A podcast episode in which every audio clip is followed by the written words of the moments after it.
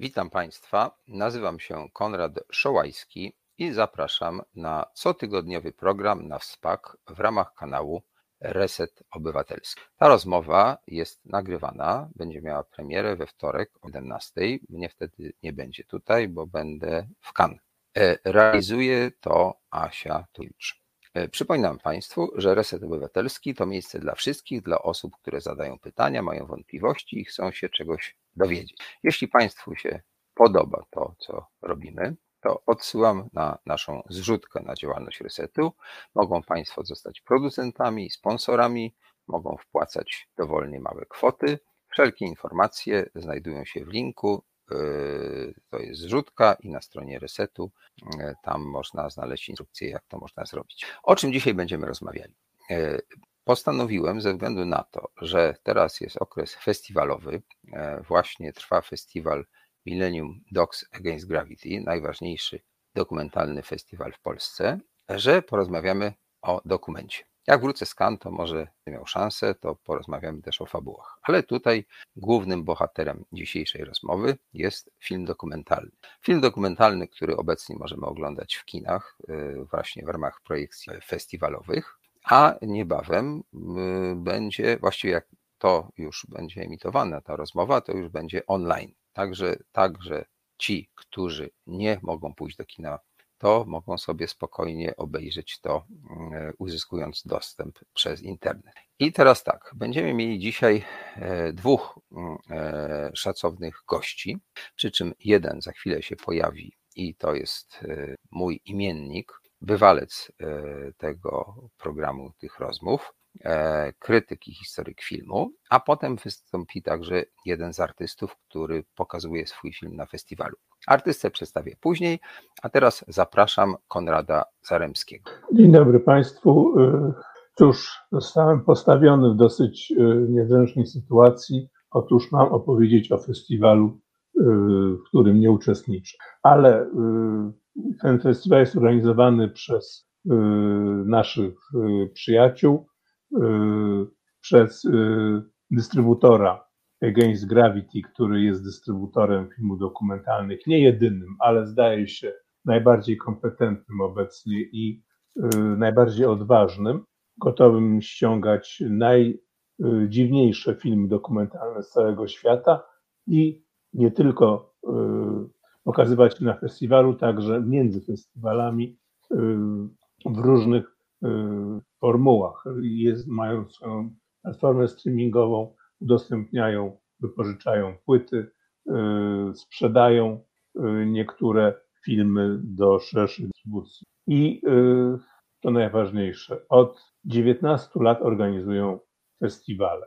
Te festiwale mają już swoją markę i renomę, więc w momencie, kiedy zaczyna się 19 festiwal, Y, Docs, Millennium Docs Against Gravity. Wcześniej to inni byli patroni, teraz jest bank. Y, więc y, kiedy jest już po raz 19, to wiadomo, że przez najbliższe 10 dni trzeba siedzieć murem w kinotece w Warszawie, a także w innych miejscowościach i oglądać te filmy, mając świadomość tego, że oglądamy rzeczy nie tylko najświeższe, ale najbardziej Y, polecane, najbardziej wartościowe w danym sezonie.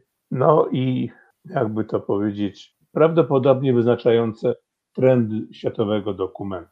Natomiast y, wiemy, tych filmów jest y, około 180, nawet do 200.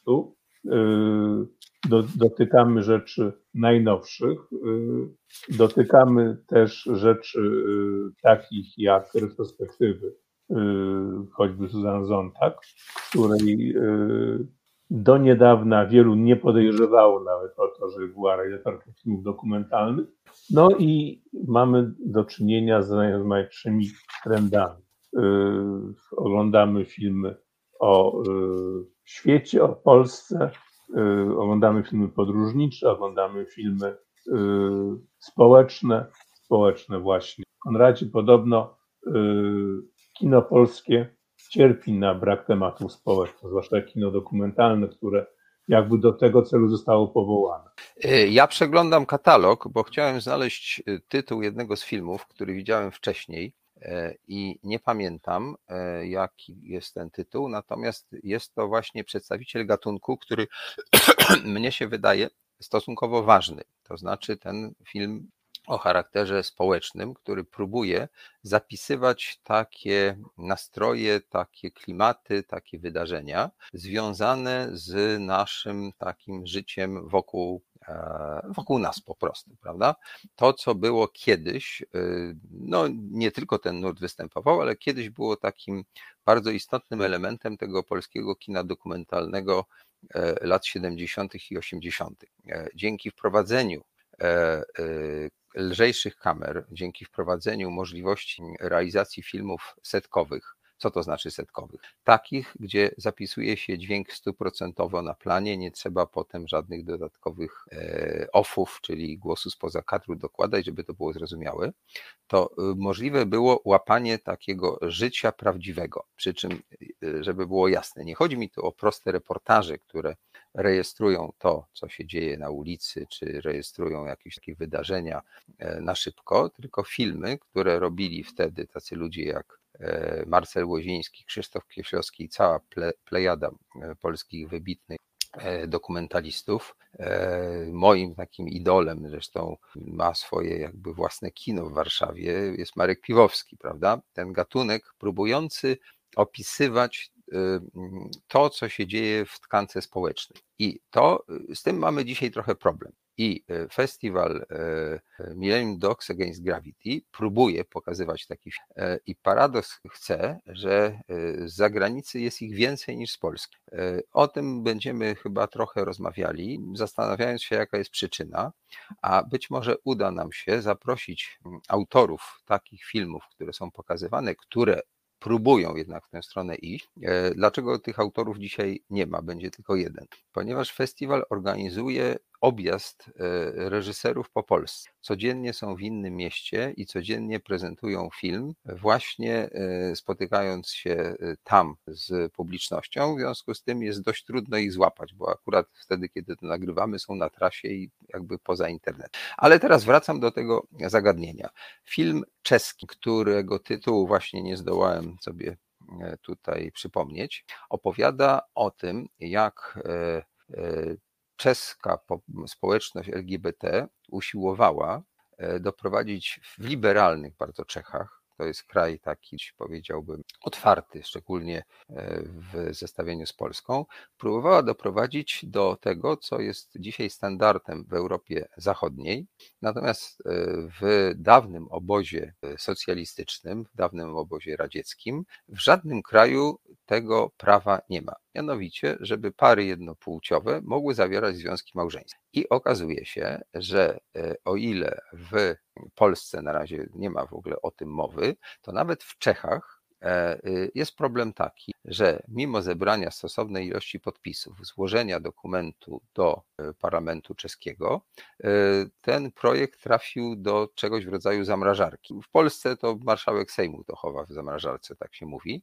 Tam inna była procedura, ale efekt był ten sam. Przez cztery lata E, nie zdołali doprowadzić do tego, żeby odbyło się normalne głosowanie nad projektem tej ustawy, bo po drodze było mnóstwo rozmaitych wydarzeń, które e, spowalniały. To nie było tak, że ktoś to zatrzymał, ale e, został włączony taki mm, wolny bieg, który powodował, że co chwila nie było możliwe y, dyskutowanie na ten temat, bo albo były ważniejsze sprawy, e, albo y, jak była dyskusja, to ona, że tak powiem, szeroko się rozlewała i zanim się y, te, nie, nie dążyli, że tak powiem, we właściwy sposób tam tego procedować. I okazało się, że ten ogromny wysiłek, bo to jednak ta społeczność musiała się mm, sprężyć, żeby zebrać te podpisy i mm, takie wielkie nadzieje i, i ten klimat, który tam jest, no takie jednak pewnego liberalizmu, nic to nie pomogło.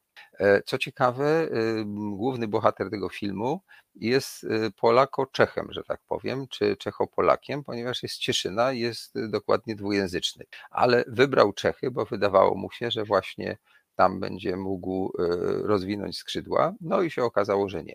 Dlaczego opowiadam o tym filmie? Bo mi się wydaje, że to jest właśnie taki bardzo dobry przykład zapisu pewnego zdarzenia. Y, zapisu pewnego zjawiska i nie jest to tylko taka prosta rejestracja, ale mamy wytłumaczone, że tak powiem, e, dlaczego tak jest, nie przez jakiś komentarz ZOF-u, tylko bohaterowie o tym dyskutują i widzimy, szczególnie, i to jest y, moim zdaniem w tym filmie najbardziej takie wartościowe i ciekawe, e, przeciwników, którzy robią własne kampanie wyborcze, którzy często plotą jakieś straszliwe androny. Taka powstaje y, no, taka Monty Pythonowska jakby rejestracja idiotyzmu, tak?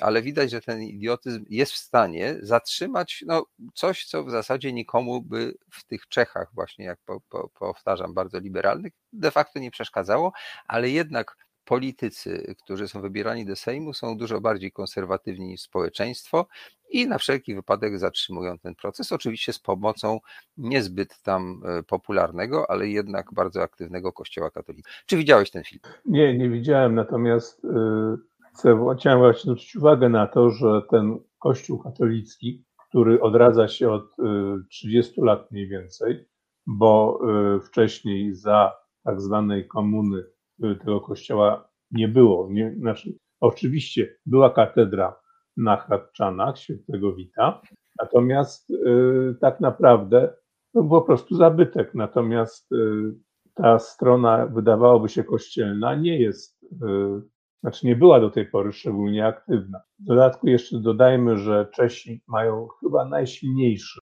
y, przemysł pornograficzny w tej części Europy i zalewają swoimi produktami i swoimi gwiazdami inne kinematografie tego rodzaju. Także wydawałoby się, że ten y, poziom liberalizacji życia y, rodzinnego y, czy też społecznego jest jak najbardziej uprawniony. Tymczasem okazuje się, że nie, że Czesi jednak stawiają na konsumpcjonizm od dosyć dawna i, i to trwa. No tak, to było wspaniale pokazane. Film jest przed 20 mniej więcej laty e, pod tytułem Czeski sen e, Filipa Remundy i Wita Klusaka.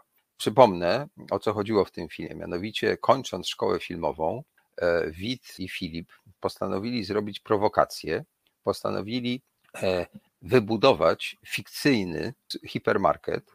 Ten hipermarket nigdy nie powstał, Natomiast e, zrobili przez rok kampanię, która była promocyjną kampanią tego nowego E, wielkiego, e, wielkiej galerii, która miała powstać na obrzeżach Pragi i według tych anonsów i wielu wywiadów, zwiastunów i tak dalej, i tak dalej, tam miały być bardzo fajne towary, bardzo tanio, ci co przyjdą pierwszego dnia dostaną to za pół ceny i tak. No i ten czeski konsumpcjonizm, który zresztą nie tylko chyba jest czeski, po prostu to było takie zachłyśnięcie się tych wszystkich mm, obywateli, dawnego obozu e, pokoju, tak, gdzie z trudem, że tak powiem, zdobywaliśmy e, czasem nawet i papier toaletowy, więc wszyscy pragnęli po prostu mieć dostęp do towarów, które w każdym sklepie na zachodzie łatwo, łatwe do kupienia. Teraz to właściwie w Polsce jest tak, że możemy to, jak mamy pieniądze, kupić generalnie wszystko. Natomiast e, lat temu dwadzieścia parę Czechy dopiero wchodziły w ten moment takiego zachłyśnięcia się tym konsumpcjonizmem. I y, y, pod koniec filmu y, zdołali wybudować coś w rodzaju teatralnego czy filmowego, ta, taką postawili tak, tak, fasadę tego hipermarketu. Zastawkę. Tak, zastawkę, tak, tak, uciekło mi słowo. I postawili tę zastawkę, ale ona z daleka wyglądała znakomicie. Ona wyglądała tak, jakby to rzeczywiście była wielka galeria handlowa i to było na takim wielkim polu. Ustawili kamery i, wielki, i ogromny tłum Prażan przyjechał tam samochodami, autobusami i tak dalej. I y, ta finałowa scena tego filmu to jest bieg przez to pole wszystkich, niezależnie od płci, wieku i tak dalej. Wszyscy ci Prażanie biegną, no i oczywiście jak dobiegają do tej zastawki, do tej dekoracji, to z przerażeniem, czy zdziwieniem, czy zaszokowani patrzą, że to w ogóle wszystko jest jedno wielkie oszustwo. Ten film zrobił ogromną karierę, bo spodobał się na zachodzie, bo tam, że tak powiem, było zawsze mnóstwo głosów, głównie tych bardziej lewicowych, że tutaj brniemy w konsumpcjonizm i tak dalej. I patrzcie, co się zrobiło z tymi ludźmi, którzy za żelaznej kurtyny e, wychynęli w końcu i myśmy zarazili ich tą samą chorobą. E, dzięki temu zresztą powstała e, firma Hypermarket Film, którą prowadzi Filip i Wit od tamtej pory i zrobili wiele wspaniałych filmów. Ale prawdę mówiąc, ten jest najgłośniejszy i dokładnie wpasowuje się w ten to, miał, miał największy skandal, bo zadał się głos, dlaczego Ministerstwo Kultury uczestniczyło finansowo w produkcji takiego wielkiego oszustwa. No tak, tak, oczywiście, że, że, że, był skandal, ale no, ja jestem zwolennikiem mm, takiego postępowania, że oczywiście w granicach jakiejś racjonalności e, cywilizowanego, że tak powiem, sposobu działania, powinniśmy y, te baloniki nakłuwać, powinniśmy krytykować, powinniśmy pokazywać tę taką mm, niezbyt czasem fajną twarz tego naszego otoczenia. I nie mówię tu w tej chwili koniecznie o obecnej polityce i tych różnych szaleństwach władzy, którą teraz mamy, bo to w resecie obywatelskim znakomicie e, dziennikarze śledczy tropią i tutaj jak chce ktoś sobie posłuchać, jakie tu są straszne rzeczy, to może e, w licznych rozmowach y, o tym posłuchać. Ja mówię po prostu o tym, że mm, warto po prostu rozejrzeć się wokół nas i próbować w sposób artystyczny, próbować w sposób taki troszkę ponadczasowy, bo y, żeby film był dobry, to nie może być tylko takim zapisem faktu, ale z tego faktu powinno coś więcej wynikać, prawda? Żebyśmy po prostu to lustro, którym kiedyś w XIX wieku była powieść, a w XX wieku i jednak, mam nadzieję, w XXI wieku jest film. I to szczególnie film dokumentalny. Zresztą w Polsce to zdaje się film fabularny bardziej odpowiada na to wyzwanie, tak, żeby opisywać, czy to Smarzowski klerem, czy Domalewski swoimi filmami, prawda, pokazują różne takie no, nieprzyjemne zjawiska, które wokół nas są, a w dokumencie mało.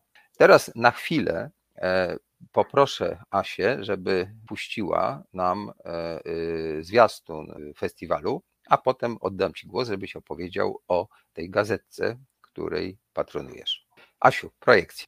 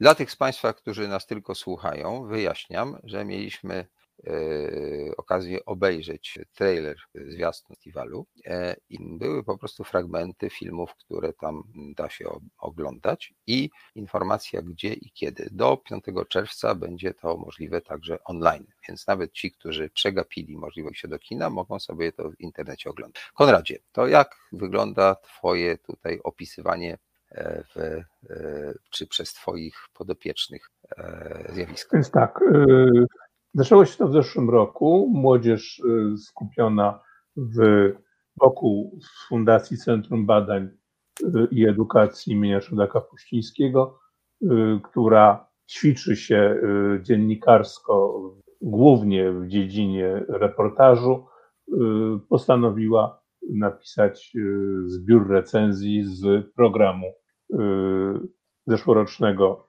festiwalu wydaliśmy takie pisemko.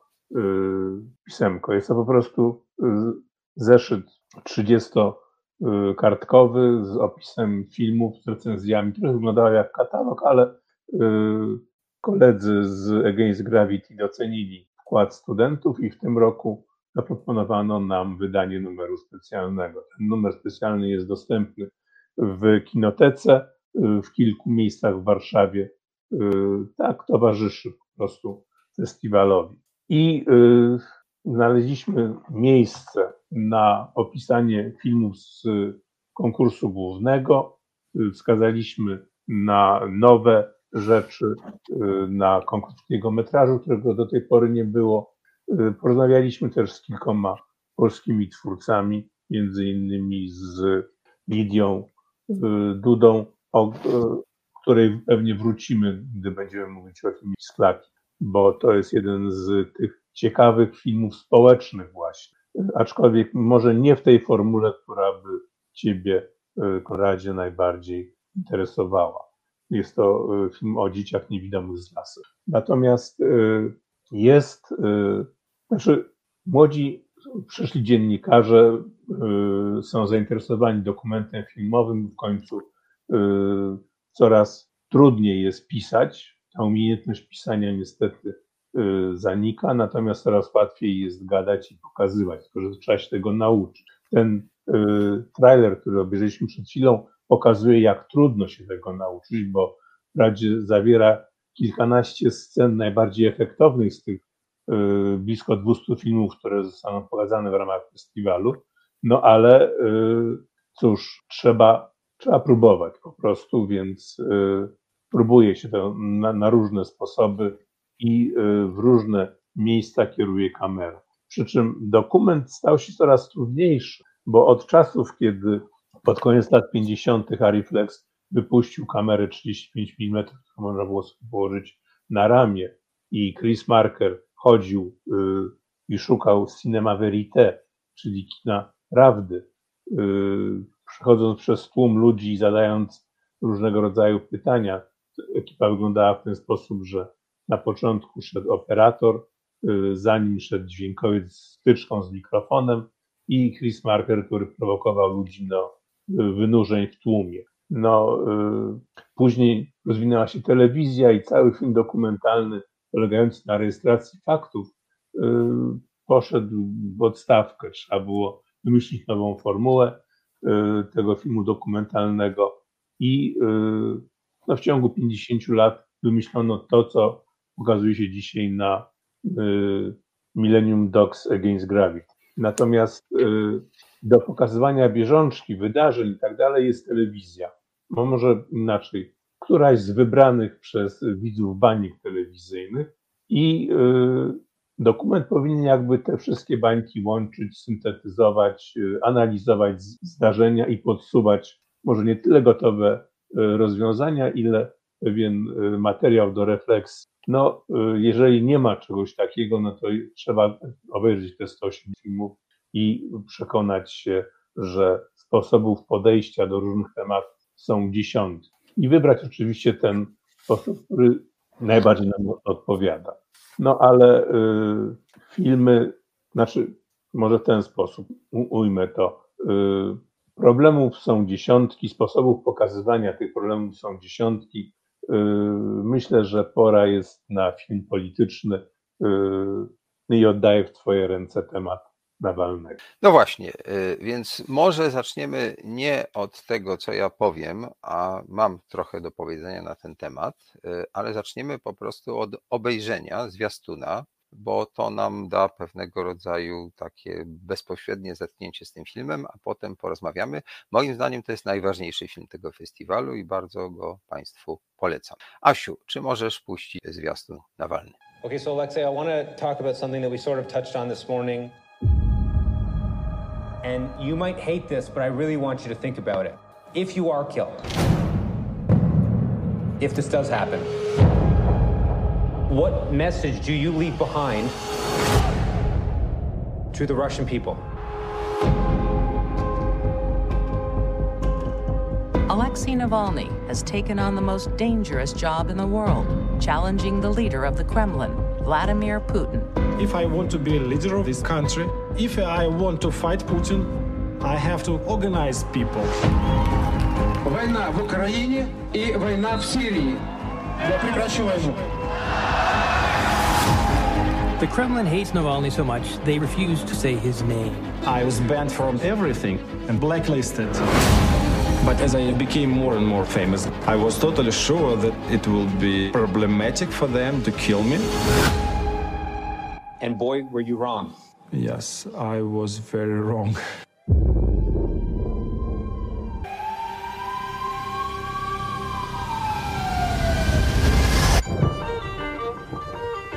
Alexei Navalny arrives at this hospital in Berlin. To have your dad, an opposition leader, being poisoned, it was literally like a book. Come on, poisoned? Seriously? We were so shocked. It's like Putin's leaving a signature on a crime scene. It's kind of stupid. We found a domestic assassination machine on an industrial scale. Navalny will personally call his poisoners one by one. Федор. Это Навальный Алексей вас беспокоит. Хотел узнать, зачем вы хотели меня убить. Oh my god, you ruined their day. Navalny is stepping into a showdown with the Kremlin. I want to go back and try to change Russia. It's something worth fighting for. Are you not scared, Alexei?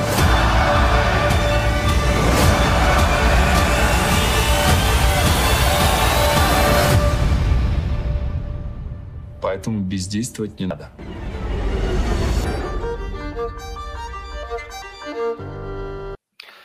Wszystkich Państwa, którzy nie są biegli w języku angielskim, bardzo przepraszam, ale tylko takim trailerem dysponujemy i w ostatniej chwili udało się go zdobyć. W trzech, czterech słowach mogę powiedzieć, że trailer w jakiś sposób streszcza film, tylko bardzo skrótowo. I jako, że zdradza pewne no, informacje, które tam są, to może ja trochę to uzupełnię. Mianowicie jego konstrukcja jest taka. Najpierw widzimy, że Nawalny współpracuje z filmowcami, udziela im wywiadu, który to wywiad nie jest robiony tak standardowo, że jest tylko gadająca głowa, to w miejscu w ogóle oni pracują. Nawalny ma całą ekipę ludzi i tam nam zaczyna opowiadać o sobie i widzimy, jak wyglądała jego wcześniejsza działalność. W zderzeniu z tłumami Rosjan przemawia, jeździ, odwiedza, typowe działania polityka, ale może nieco mniej typowe w Rosji, ponieważ tam ci ludzie, którzy przychodzą na te spotkania i sam Nawalny są prześladowani. Z czym to nie jest tak, że to jest normalna kampania wyborcza czy normalne działanie polityka, tylko to jest coś w rodzaju takiej, no prawie że wojny.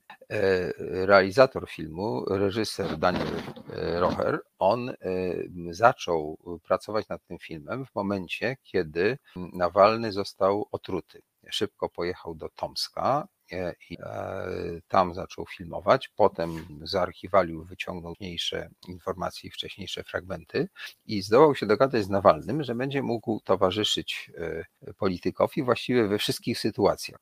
To jest niesłychanie bliski, intymny portret Nawalnego na tle tym całym społecznym. To nie jest tak, że to same inności, przy czym te intymności generalnie jednak są bardzo polityczne, bo Nawalny jest takim zwierzęciem niesłychanie politycznym. On tym żyje. W zasadzie jego cała rodzina mu pomaga, jego żona jest taką, no, w jakimś sensie asystentką i widzimy, że on temu poświęca właściwie wszystko, co może. I rozpoczyna się śledztwo, co się właściwie stało, i to w tym filmie jest pokazywane, że tak powiem, krok po kroku, jak doszło do tego, że Nawalny zachorował. Oczywiście dość szybko padło, padła, pojawiła się teoria i podejrzenie, że to mogła być trucizna. No, Rosjanie, Kreml znani są z używania nowiczoku. Nawalny został przetransportowany z ze szpitala z Syberii na życzenie dzięki Angeli Merkel do Niemiec, gdzie został potem doprowadzony do, do, do zdrowia, ale gdyby nie rosyjscy lekarze, z tego filmu się dowiadujemy, którzy go tam na Syberii zaczęli ratować, to by nie przeżył. Po prostu oni jednak zastosowali takie procedury, które były antidotum na tę truciznę. No ale potem pojawia się pytanie w tym filmie, kto to zrobił, jak to zrobił i czy to w ogóle można jakoś zbadać. Nie będę zdradzał oczywiście wszystkich szczegółów, ponieważ ten film jest w zasadzie thrillerem, kryminałem. Jesteśmy świadkami e, y, czegoś, co normalnie oglądamy w filmie takim fabularnym, prawda, gdzie no, po prostu można napisać, wynająć dobrych aktorów, i odtworzyć czy, czy wykreować wszystkie takie niebezpieczne sytuacje. Tutaj nie, tutaj one są, ale one są prawdziwe. Po prostu kamery towarzyszą, bo to nie jest jedna kamera, e, Nawalnemu i jego ludziom w różnych sytuacjach. I bardzo istotną drugą postacią poza samym e, Nawalnym e, jest Christo Grozew. Christo Grozew to jest dziennikarz śledczy, jeden z takich wybitnych przedstawicieli grupy Bellingcat. Ta grupa zajmuje się śledztwami e, w zakresie właśnie różnych tych nieprawości, w szczególności tych rosyjskich. E, I reżyser filmu jakby skontaktował Krysto Grozewa z Nawalnym. Początkowo Nawalny był ostrożny, bo jest wokół niego mnóstwo prowokacji i tak dalej. Czy to przypadkiem nie jest jakaś sprawa, w której on będzie niejako wypuszczony? Nie, okazało się, że, że nie i że może temu Christo y, zaufać. To zresztą jest mm, Bułgar mieszkający na zachodzie, y, znający dobrze angielski, rosyjski i tak dalej. I wybitny specjalista w tych takich śledztwach, które w dużej mierze odbywa się przez komputer. Nie tylko. On także kupuje informacje. W filmie zdradza, że wydał na to dobrze ponad 150 tysięcy dolarów co pokazuje, e, jakiego rodzaju pieniądze są potrzebne i także stopień korupcji w Rosji, ponieważ każdą informację okazuje się tam można kupić, nawet najtajniejsze, tylko trzeba dotrzeć do tych ludzi, którzy nimi dysponują i zapłacić im w taki sposób, żeby no, władze rosyjskie ich nie złapały. E, I e, w tym trailerze była scena, był fragment tej sceny niesamowitej, kiedy Nawalny e, właśnie z Kristogrozewem krok po kroku dochodzą do tego, kto jest e, w to zamieszany. Jest taka instytucja w Moskwie, e, taki normalny w cudzysłowie instytut naukowy, w którym pracownicy których stosunkowo niewielu jest, zajmują się produkowaniem tego typu substancji. I to, co jest niezwykłe i takie bardzo szokujące, mamy do czynienia z materią, która naprawdę rzadko jest w filmie pokazywana dokumentalnym, kiedy no, nie ma rozmowy z Putinem bezpośrednio, ale jest rozmowa z jego ludźmi, tymi, którzy właśnie Nawalnego truli. E, e, ale e, to nie jest tylko śledcza sprawa. To nie chodzi tylko o to, że mamy do czynienia właśnie z scenami sensacyjnymi, ponieważ jesteśmy bardzo blisko i żony Nawalnego, i samego Nawalnego, i widzimy, jaką cenę oni płacą, jakie emocje to wśród wywołuje jego dzieci. I potem Nawalny podejmuje decyzję, o której wiemy, ale jak to oglądamy z bliska, kamera towarzyszy Nawalnemu w samolocie i w tym samym czasie druga kamera jest z Christo Grozewem, który to ogląda na monitorze u siebie. E, trzecia kamera jest w Berlinie, gdzie szef sztabu Nawalnego pracuje.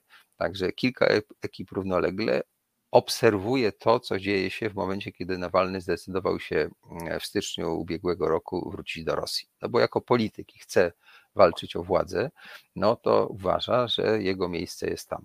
E, I to jest niesłychanie emocjonalna sekwencja, e, bo chociaż w zasadzie wiemy, co się potem stało, to jak to oglądamy, to tak jak w filmie fabularnym, tak właściwie czy on tam doleci, czy nie wysiądzie, jak on w tym samolocie się czuje, to y, patrzy się na to naprawdę w sposób e, taki, jak, jak, jak, w takiej dobrej, mocno trzymającej e, nas w napięciu fabule. No to y, czy ty widziałeś Nawalnego? Nie, niestety nie udało mi się zobaczyć Nawalnego, aczkolwiek y, rozumiem, że tego rodzaju ustawienie sprawy, różne ekipy z różnych punktów widzenia obserwują jednego polityka, jest niezwykle filmowe, ale z drugiej strony pojawia się takie pytanie, czy przypadkiem ta teatralizacja y, działań politycznych y, nie jest jakimś, y, mówiąc delikatnie, fałszem, bo no, nie wiem, jakoś, jakoś wiesz, kiedy obserwuję obraz filmowy, reporterski, widzę rzeczy, które się robią jakby w sposób naturalny ale to jest sytuacja taka jak z tym nieszczęsnym procesem Johniego i Amber, że każda ze stron jest przygotowana do odpowiedniego działania i wszystko jest steatralizowane w sposób maksymalny, czyli jeżeli podejmujemy decyzję, o której, o której jesteśmy świadkiem na ekranie, to czy te wszystkie czynniki muszą być nam ujawnione?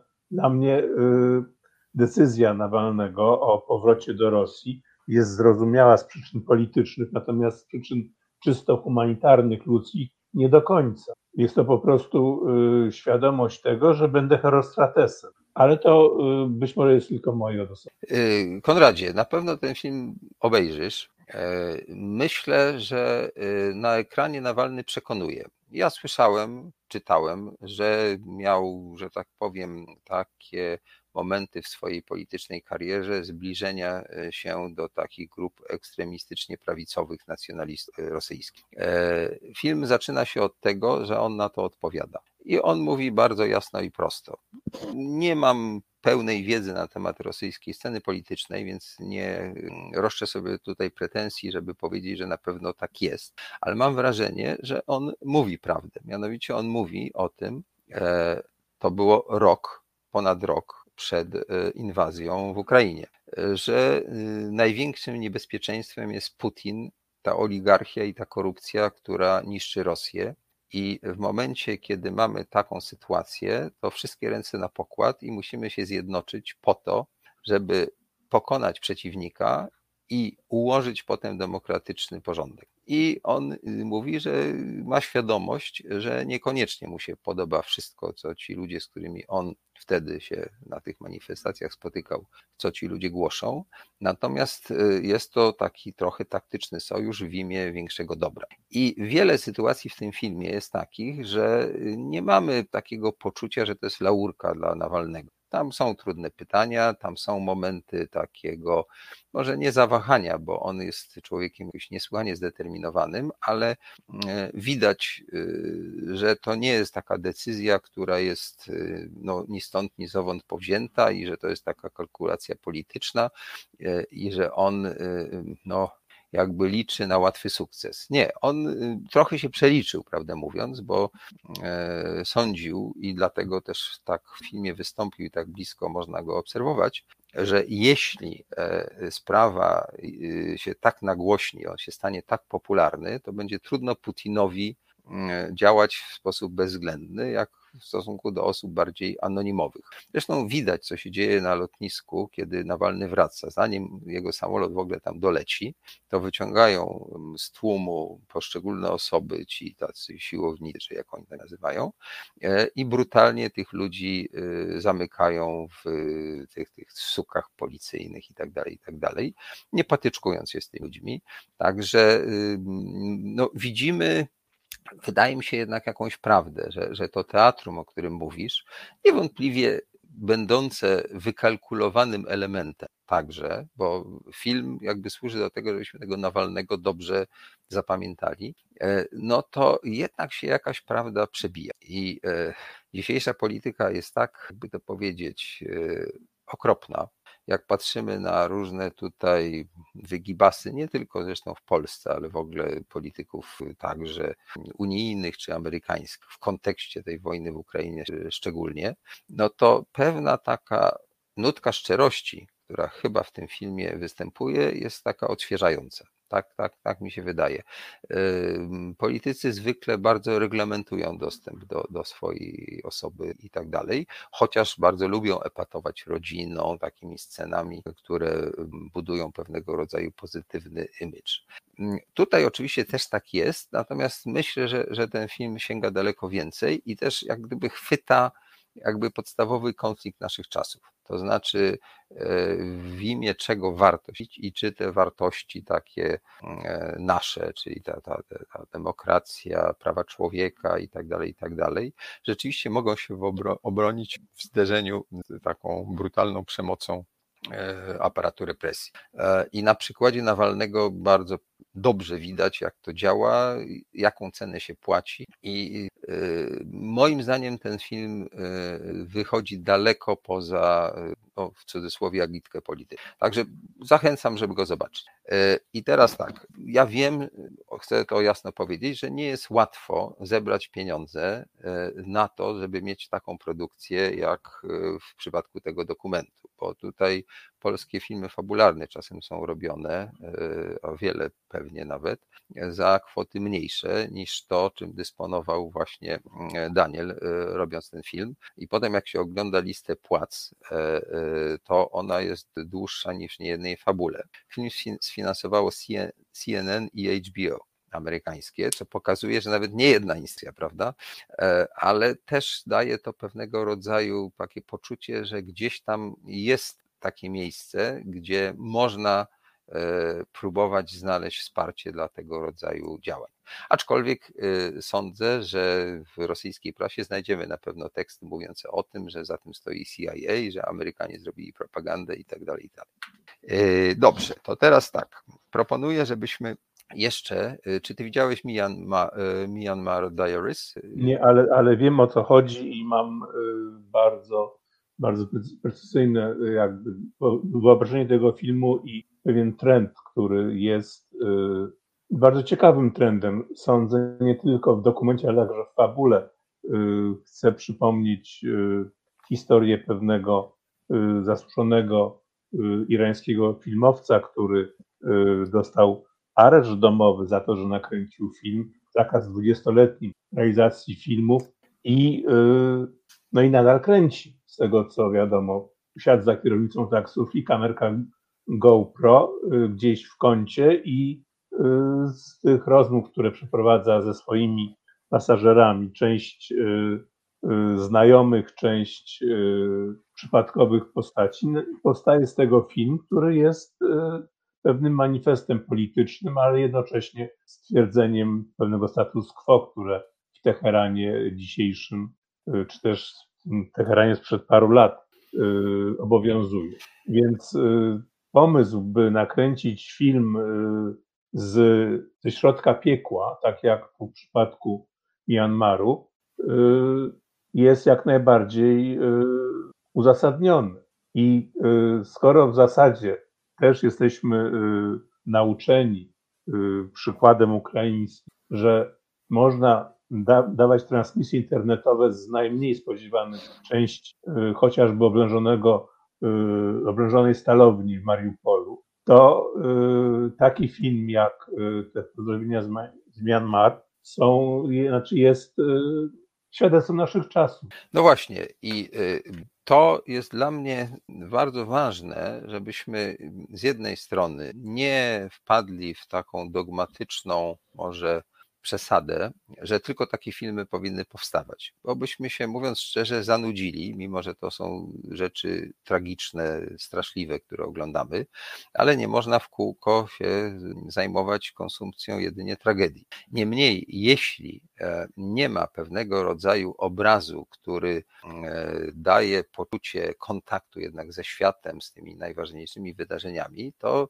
wydaje mi się, że czegoś nam brakuje. W związku z czym znalezienie takiego złotego środka, takiego rozsądnego kompromisu między e, takim filmem, jak właśnie te obrazy z dawnej bitwy Myanmar e, czy Nawalnego, e, zestawione z pięknymi bardzo niektórymi tytułami opisującymi na przykład ludzi zajętych obserwowaniem wulkanów, prawda, czy różnymi formami, że tak powiem, walki o klimat i tak dalej. Myślę, że film dokumentalny właśnie powinien być jak te 100 kwiatów, ale nie może zabraknąć któregoś z nich, bo jak brakuje, to mamy takie poczucie, że coś jest nie tak. I e, sądzę, że w Polsce trochę tego brakuje i bardzo jestem zainteresowany wynajdywaniem takich powiedzmy wyjątków, które gdzieś tam coś mi mówią o tym świecie, w którym żyję, które to wyjątki mm, pokazują coś, czego ja nie zauważyłem, nie znałem i myślę, że to jest e, jakaś rola istotna filmu dokumentalnego. E, I uważam, że dobrze jest, jak to jest osadzone w pewnym kontekście społecznym, to znaczy zarówno jest to ciekawe zdarzenie indywidualne, jak i e, coś, co ma taki wymiar szerszy, co powoduje, że to nie jest tylko rejestracja dziwności, tylko pewnego rodzaju taki zapis skłaniający do refleksji. I tutaj może najpierw obejrzymy trailer i zastanowimy się, na ile ten film spełnia e, te kryteria, o których mówiłem. Tytuł filmu Lombard. Asiu, prosimy o projekcję trailera. Szukać Temida, do szukania tajemna miłość, poradnik dla nauczyciela. Szukasz? Mamy ponad 70 tysięcy przedmiotów, proszę Pani. Na pewno coś Pani wybierze. Zastawy, szkło, porcelana, obrazy, lampy. Jest tego multum. Dziewczyny, patrzcie jakie fajne rogi dostałem w rozliczeniu. Tylko to teraz sprzedać. Złotówka. Złotówka. No, mam w kasie 86 zł, a że bierze rogi zamiast pieniędzy przyjdą różni klienci. Handlarze, przyjdą, prawda, kolekcjonerzy, przyjdą biznesmeni wyższego szczebla. My jak to wszystko sprzedamy, to naprawdę będziemy bardzo bogaci. Ktoś romnął Jezusa. Ale i żłóbek też romnęli. No jak cztery dychy bym nie dała bez Jezuska za cholerę.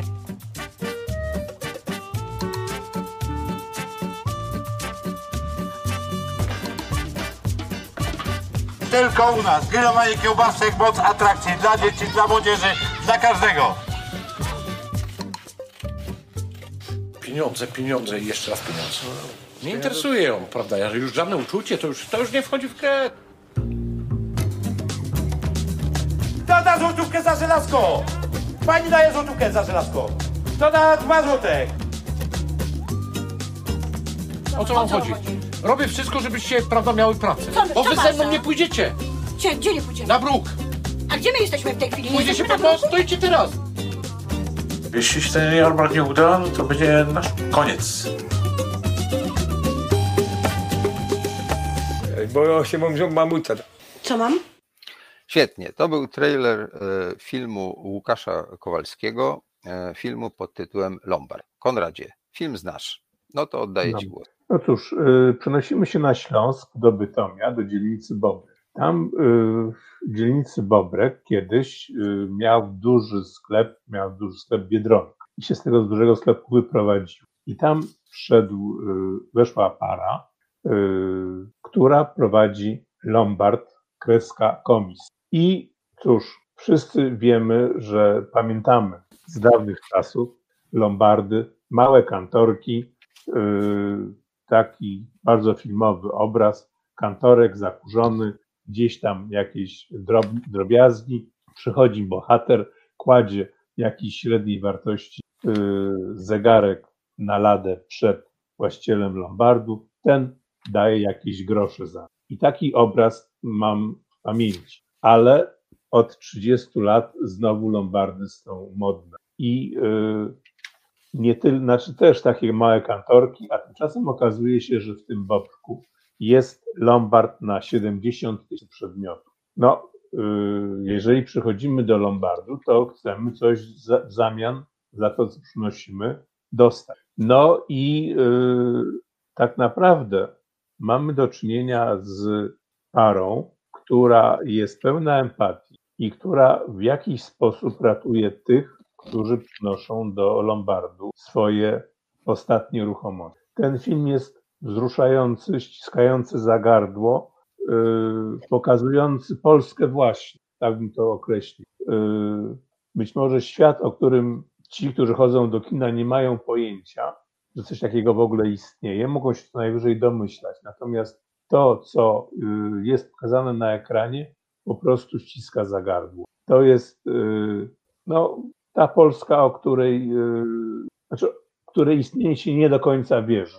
Tak, tak bym to określił. A jednocześnie jest to tak pokazane, że yy, nie wiadomo, czy tych ludzi, którzy prowadzą Lombard, podziwiać, czy śmiać się z yy, naiwności, ale to byłoby śmianie się też, także z tej empatii, którą okazują swoje. No, yy, do tego na ten świat Bobka i ludzi, którzy korzystają z dobrodziejstw Lombardu, nakładają się historie pracowników tego Lombardu. I tak mamy y, wielki świat z zewnątrz, mały świat y, w środku i jeszcze małe, intymne światy tych ludzi, którzy w tym Lombardzie pracują i tam przebywają. Po prostu dawno nie widziałem filmu o Polsce, który byłby tak kompleksowy i chyba tak prawdziwy. Sobie pozwolę na takie określenie. Niestety autor, z którym rozmawiałem, no jak wspomniałem, jedzie teraz gdzieś samochodem i nie może nam opowiedzieć, jak to robił. Trochę mi powiedział. To była bardzo typowa praca dokumentalisty, który no, jakby zaprzyjaźnia się z bohaterami. Ekipa była bardzo mała, w zasadzie składała się w czasie realizacji zdjęć z dwóch osób, reżysera, który sam robił dźwięki, operatora i dzięki no, taktowi i umiejętności przy, zbliżenia się do tych ludzi, uzyskano w filmie takie bardzo intymne portrety. Opowiadają między sobą, tam nie ma wywiadów, tylko to są rozmowy między bohaterami, o swoich prywatnych, często smutnych, często tragicznych sprawach. I mamy poczucie trochę takie, jakbyśmy siedzieli tam z nimi, albo nie wiem, w pociągu, czasem tak ludzie między sobą rozmawiają. I to, co jest niezwykłe, to jest właśnie to, że możemy tak bardzo głęboko w to wejść, tak? bez żadnych jakby oporów, tak bym to nazwał.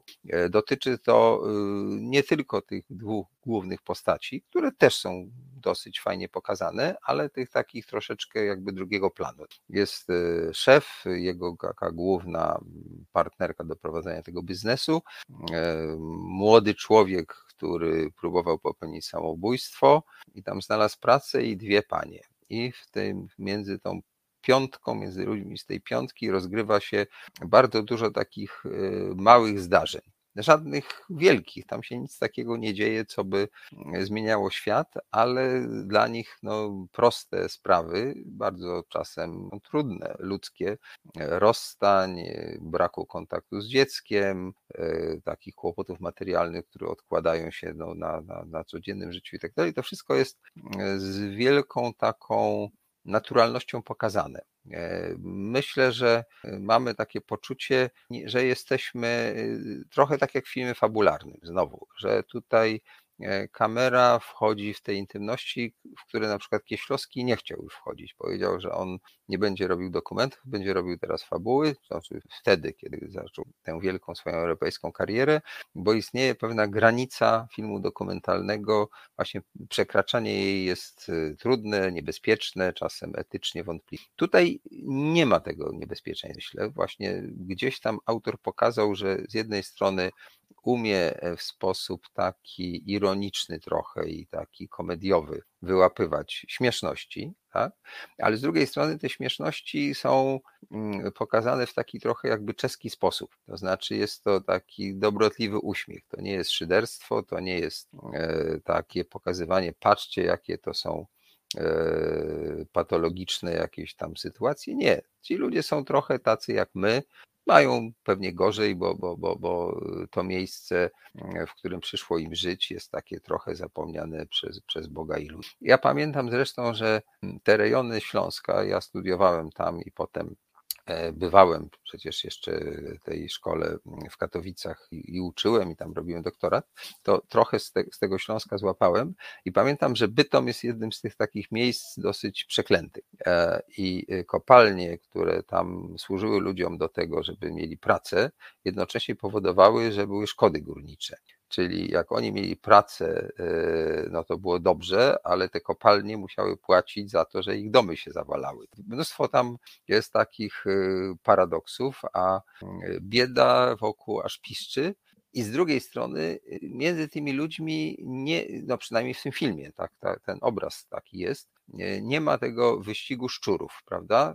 Czy, czy no wyścig szczurów to zwykle się mówi o tych takich korporacjach i tak dalej. Ja mam na myśli to, że nie ma tej takiej walki o byt, w którym ludzie się zagryzają z biedy. Nie, oni tam właśnie potrafią nawet podzielić się tym niewielkim kawałkiem dobra, które mają. To jest w tym filmie dosyć niezwykłe. Zastanawiałem się tylko nad tym i chciałem, żebyś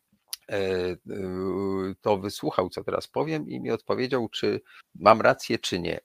Mianowicie zauważyłem nie tylko w tym filmie, ale w filmach kilku moich kolegów, e, że w zasadzie ta rzeczywistość, którą mamy podawaną w wiadomościach, niezależnie od tego, z której strony, bo to jest serwowane zarówno przez TVP, jak i przez TVN, jak i przez TOK FM, jak i e, w prasie i z lewa i z prawa, e, że tych ludzi kompletnie to nie obchodzi, że tam w ogóle nie istnieje ten świat.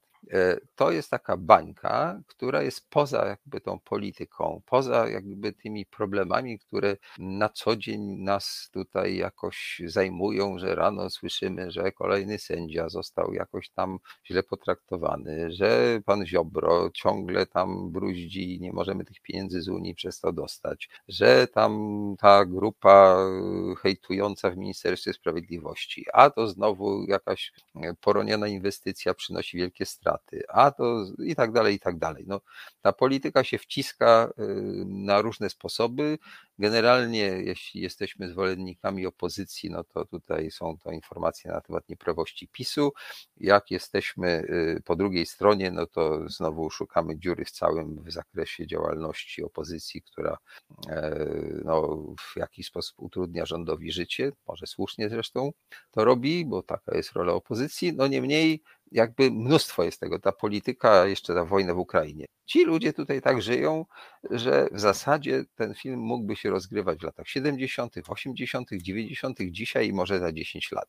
I czy to dobrze, czy źle, co, co na ten temat może? Więc tak, yy, trzeba powiedzieć przede wszystkim to, że yy, Łukasz Kamiński yy, uczestniczył w kilku pitchingach takich otwartych dla publiczności, niby takich festiwalach producenckich, i na dwóch z tych festiwali y, zebrał y, wyróżnienia i nagrody. To znaczy, że po prostu szukał tych pieniędzy i przekonał ludzi, którzy mają pieniądze, żeby zainwestować w ten film.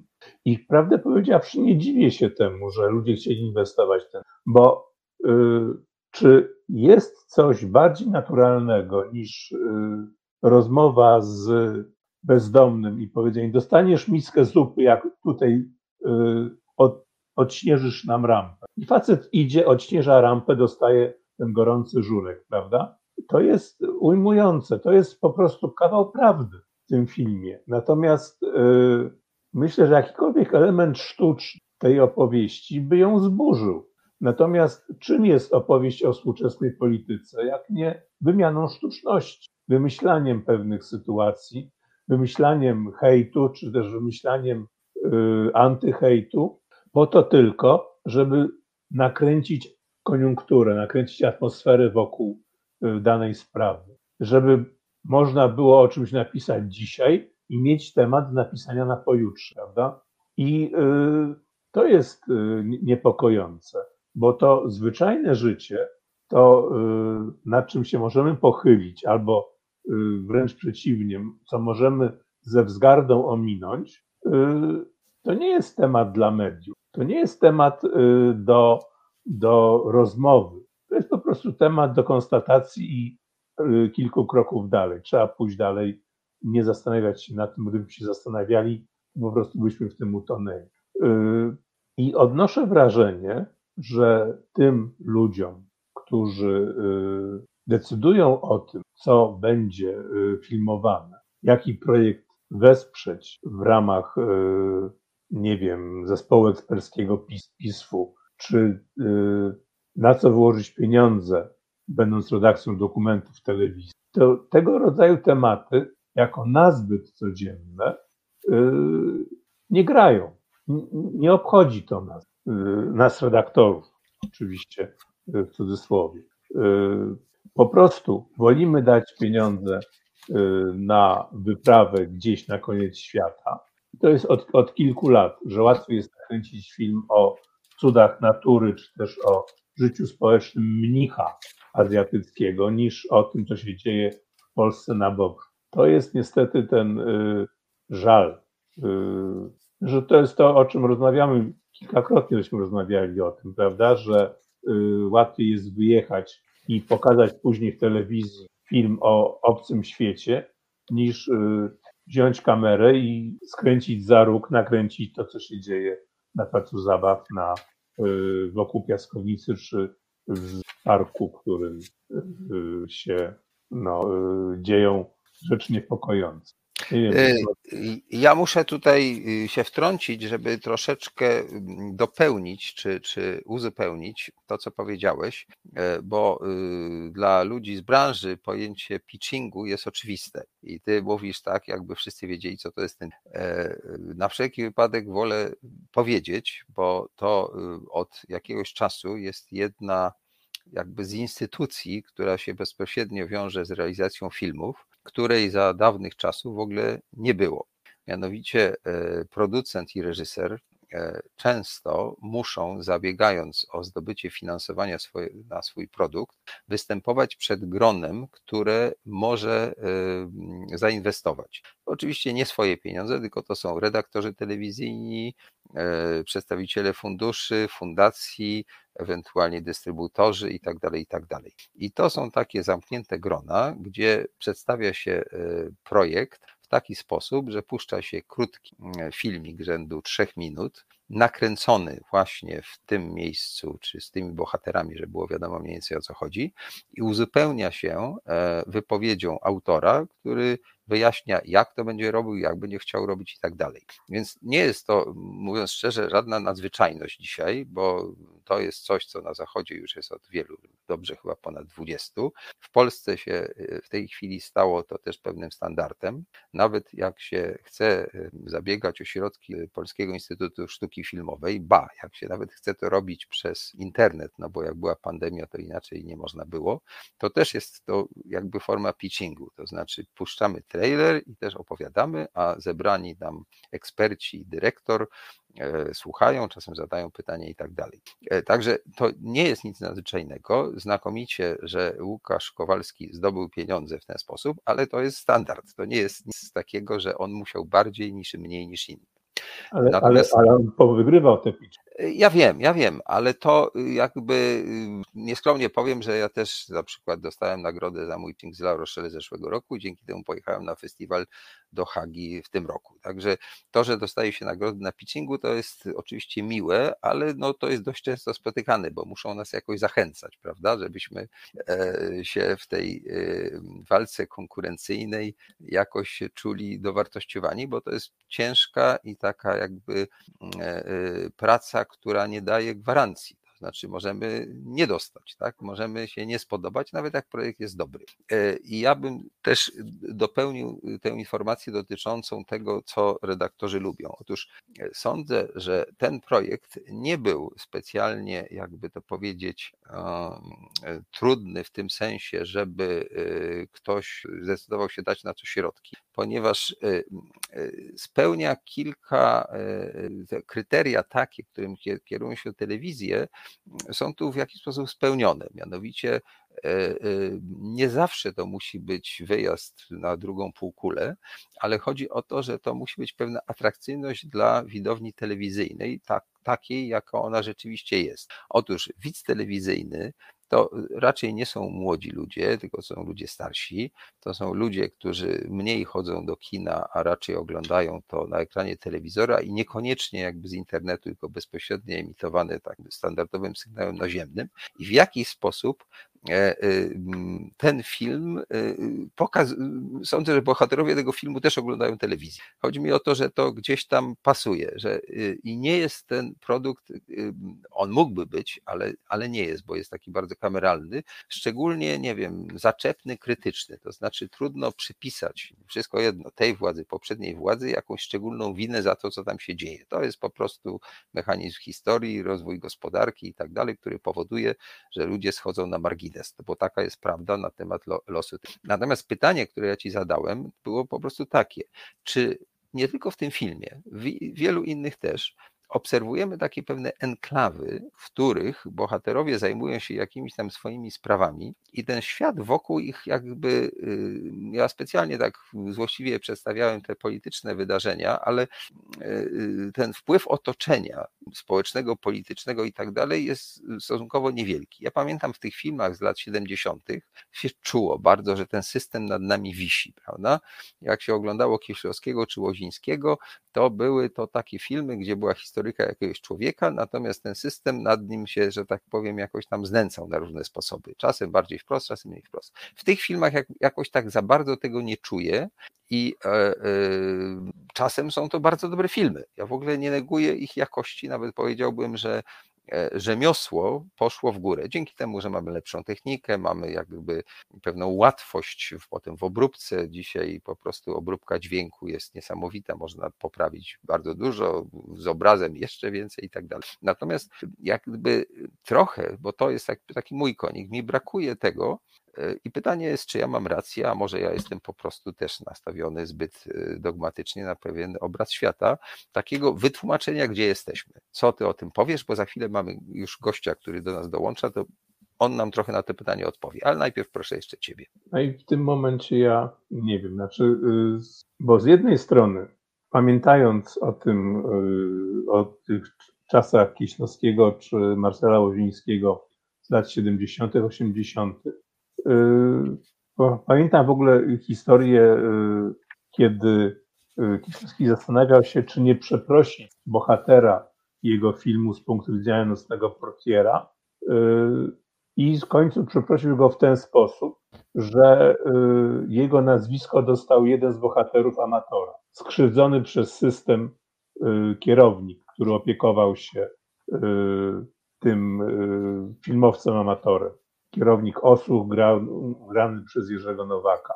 Y, bardzo wyrazista postać i bardzo uczciwa w tym wszystkim, czego o bohaterze y, Nocnego Portiera trudno byłoby powiedzieć. Chociaż też pewnie był człowiekiem na swój sposób uczciwym. Y, czy potrzebuje obrazu o znaczy tej świadomości tego, że nad tym wszystkim jest polityka? Nie, nie potrzebuje chcę odpocząć od tego. Wydawało mi się, że w momencie, kiedy y, zmienił się system, już jestem wolny od polityki. Niestety nie jestem wolny od polityki. Cały czas ta polityka y, się o mnie upomina i próbuje mnie angażować, wciągać w sprawy, o których nie chciałbym myśleć.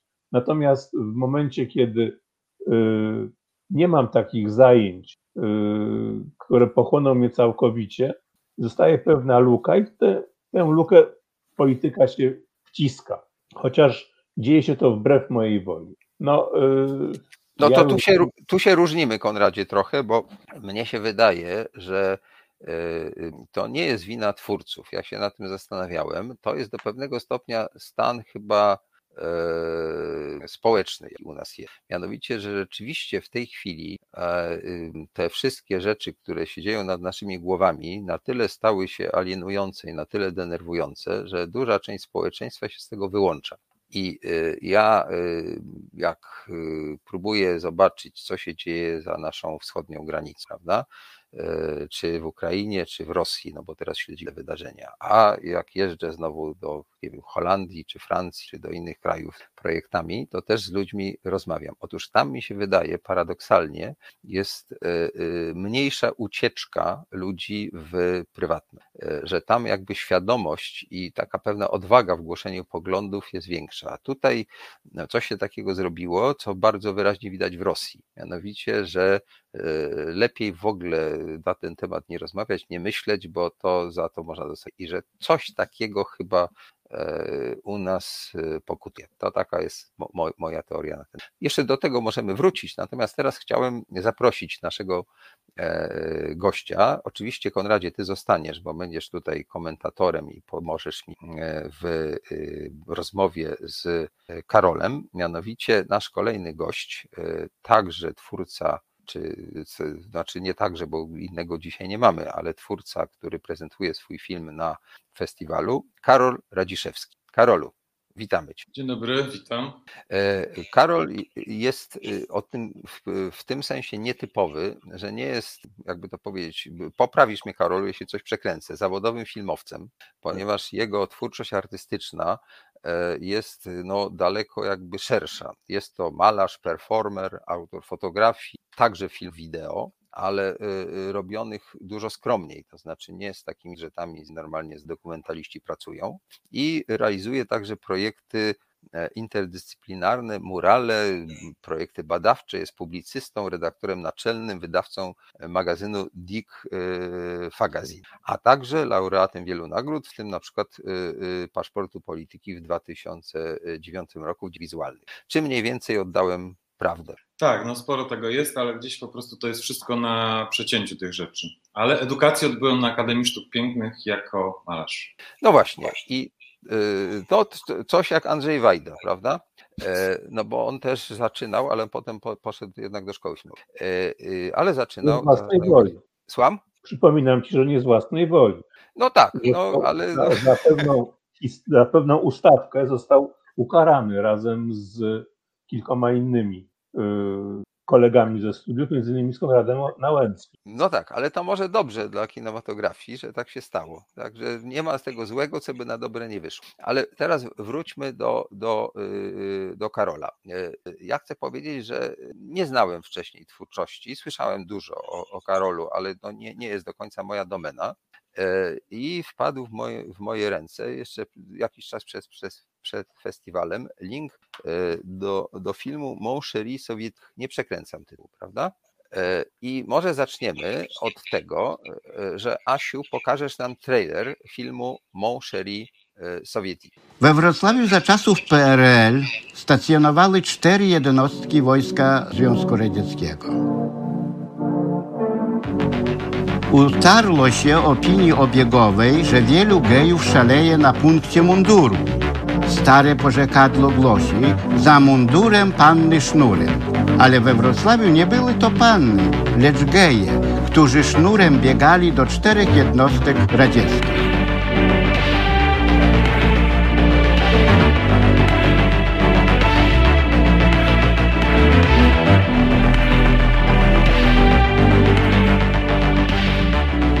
Niektórzy na pewno w ogóle typowo hetero. Niektórzy może i byli geje, ja, ja po prostu nie wiem, ale, ale większość chciało spróbować, czy, czy dla korzyści materialnej po prostu poszli, bo co siedzą w zamknięciu i co będzie sam sobie robił.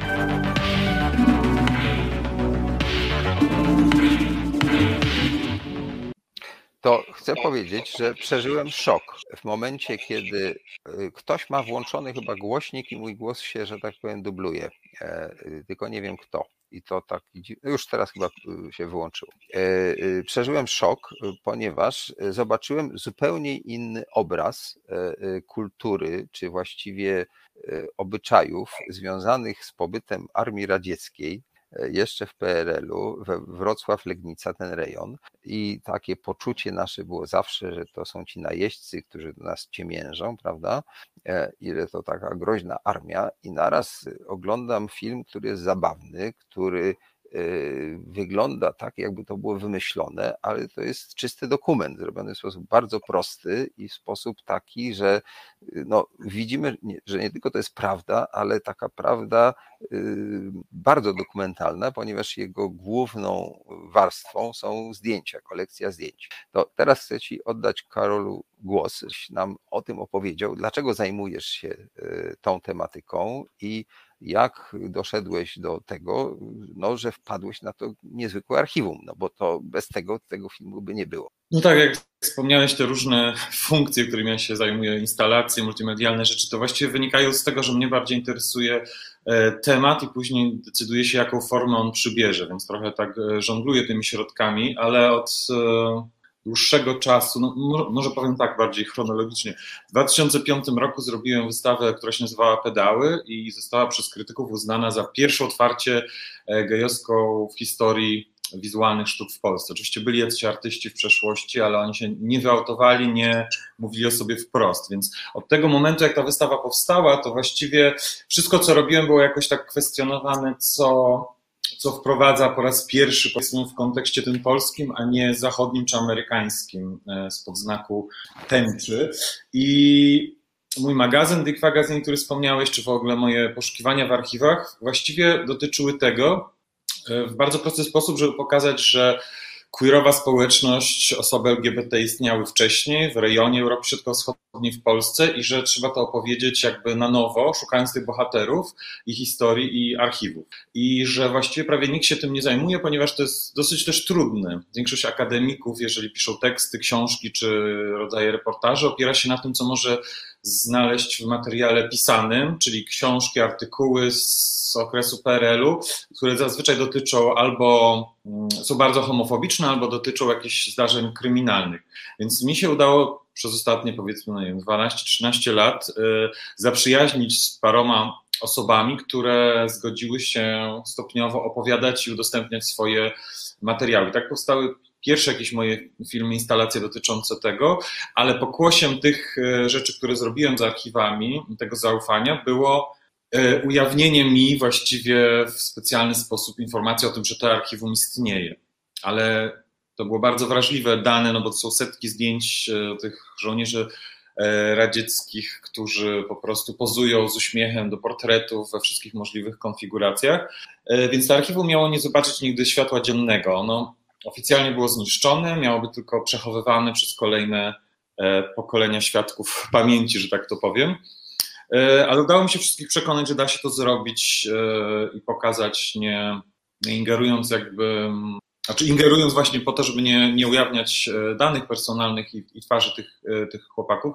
I w ten sposób jakby się narodził ten, tak jak powiedziałeś, prosty dosyć pomysł na zmontowanie narracji z świadkiem, który opowiada o tych sytuacjach i z setkami zdjęć, które właściwie jedno po drugim ręcznie mm, malowałem, zamalowywałem twarze. Tak się to jakby zaczęło. Konradzie, czy widziałeś ten film? Tak, zobaczyłem go. Że nie tylko ten film, również y, Kisielland obejrzałem y, i bardzo mi się podoba to, że jest ktoś, kto y, chce w jakiś tam sposób odczarować kulturę queerową w Polsce, że nie ma hasła geje to Hyacynt, tylko że jest jakby znacznie szerszy kontekst. I yy, przyznam szczerze, że byłem pod wrażeniem i jednego, i drugiego filmu, ale bardziej pod wrażeniem pasji, z jaką yy, pan yy, dochodzi do tej prawdy, do, do tych różnych aspektów yy, kultury queerowej. Yy, natomiast yy, przyznam szczerze, że może nie tyle ten, ten film Mon Chéri ale ten drugi, ten y, Kisielland urzekł mnie, kiedy y, jeden ze współtwórców y, tej innej odsłony polskiej kultury jakby wskrzesza pomysł i ubiera zawodowego modela w stroje, które ubierał swoich modeli sprzed 20-30 lat. I to po prostu było dla mnie po prostu urocze, no. Tak, tak to nazwijmy. Jeśli chodzi o e, Moncherie Soviétique, tutaj jest e, bardziej e, ważna jest sama historia.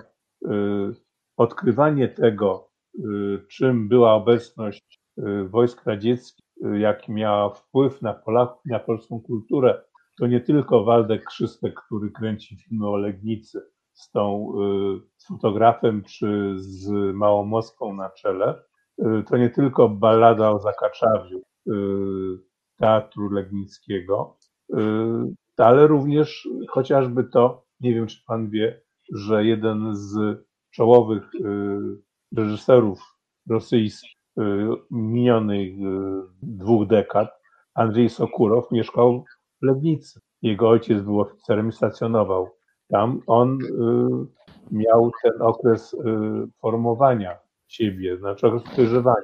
Był wtedy w Legnicy i możemy powiedzieć, że Legnica uformowała jednego z najciekawszych twórców rosyjskiego kina ostatnich lat. Więc y, tych tajemnic jest całe mnóstwo i warto po nie sięgać i dlatego ten Mon Chéri Soviétique jest dla mnie takim istotnym, ważnym filmem. To jest Konradzie to, o czym mówiliśmy, że y, nie jest to bieżątka na y, materiał do dziennika telewizyjnego, ale właśnie takie otwarcie do szerszej refleksji. I to, czego od, od wczesnego filmu dokumentalnego się wymaga.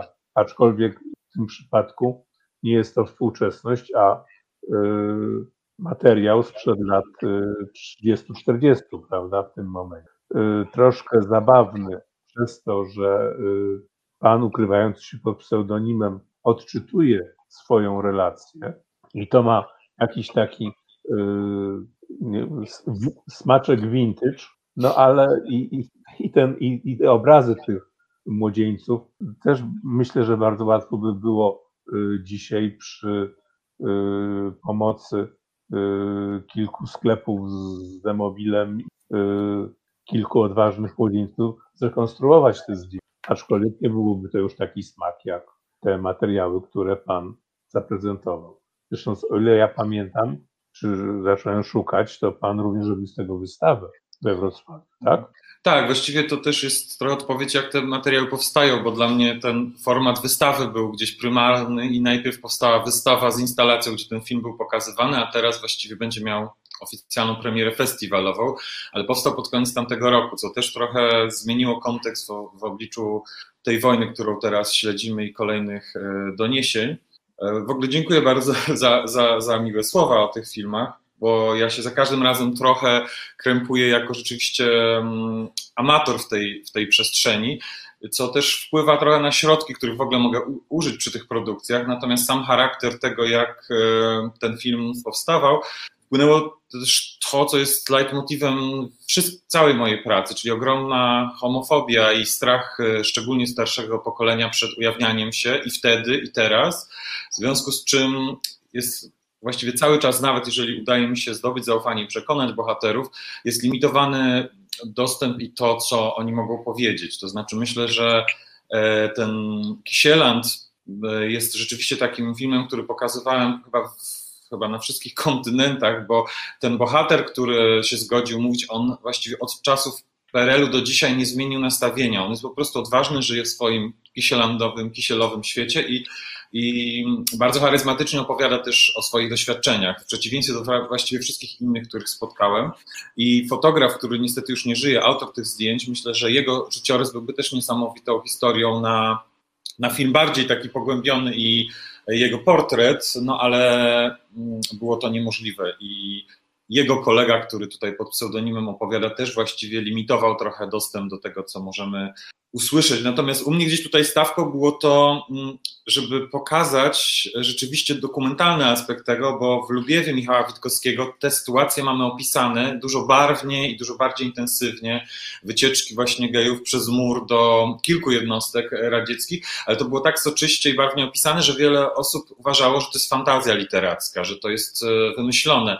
I w momencie, kiedy mm, mówię, no właśnie mam kilka tysięcy zdjęć, które to pokazują, kolorowych, to e, robi też coś takiego z historią, jakby z tymi świadectwami, że e, zmienia tą ciężkość narracji. I trochę tego się chciałem trzymać.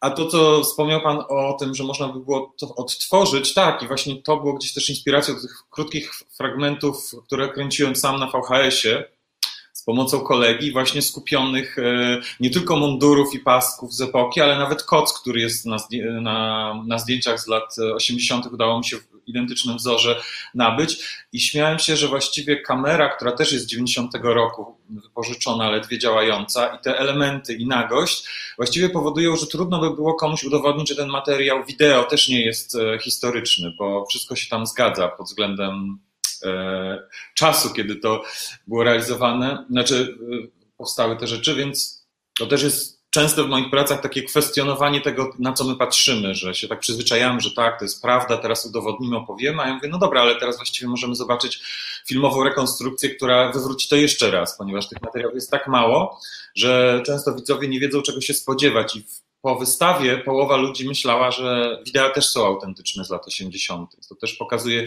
jakby nieneutralność, to jest dla, dla panów pewnie oczywiste, ale nieneutralność y, dokumentu i możliwość wpływania bardzo silnie na to, jak to będzie potem funkcjonowało w odbiorze. Ja bym chciał powiedzieć, że dla mnie to było niesłychanie interesujące, E, że e, ty, y, no może to brak mojej wiedzy po prostu, ja tutaj nie doczytałem, nie obejrzałem we właściwym czasie. E, do Lubiewa kiedyś sięgnąłem, ale też tak jakoś nie miałem takiego wrażenia, że to wszystko jest autentyczne. To raczej taka była fikcja literacka. I teraz ty otworzyłeś mi oczy na pewną subkulturę, na pewien rodzaj zachowania, który no, był ukryty, ale paradoksalnie wydaje mi się, że w tamtych czasach, mimo tej całej potem operacji Hyacynt i tak dalej, nie było tego rodzaju homofobii instytucjonalnej, która pojawiła się dziś, że to też e, jest jakiś znak czasu, e, że to nie są filmy e, i to, co ty robisz, nie, nie jest tylko jak gdyby powracaniem do historii, że ty pokazujesz jakieś tam zdarzenia sprzed lat i że to prawie jak, nie wiem, powstanie styczniowe czy powstanie kościuszkowskie. Nie, to dźwięczy dzisiaj. To dzisiaj jest jakby ważniejsze przez to, co się dzieje. Jeśli chodzi w ogóle o, o, o sprawę LGBT. E, y, I na przykład y, gdzieś tam ten Ryszard y, Kisiel mówi, że operacja Hyacynt, w czasie której go zmuszono do podpisania jakiegoś tam oświadczenia, które czyniło go homoseksualistą. Znaczy nie czyniło, on był homoseksualistą, ale jak gdyby no tak, taką pieczątkę dostał. Po podpisaniu był licencjonowany.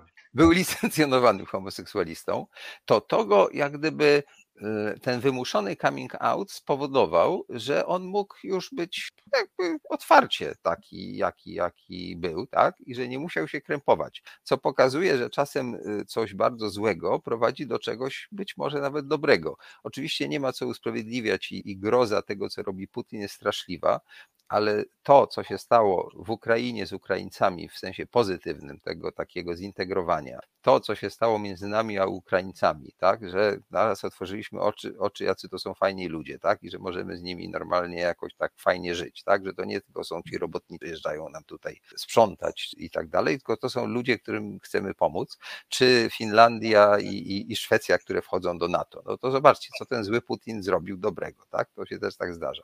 I ty otworzyłeś mi oczy na takie rzeczy, właśnie pokazując te wydarzenia e, i e, e, ten wizerunek tych Rosjan, którzy dzisiaj są tymi potworami w Ukrainie, jest bardziej złożony niż by się wydawało, prawda? Że ty odkryłeś, odkryłeś, no ten, odkrył to ten, ten facet, który te zdjęcia robił, ale, ale ty z tego skorzystałeś. I to, że nam to dzisiaj pokazałeś, pozwala zrozumieć, że jakby natura ludzka jest nieco bardziej złożona niż nam się czasem wydaje, tak? Że operujemy kliszami, tak?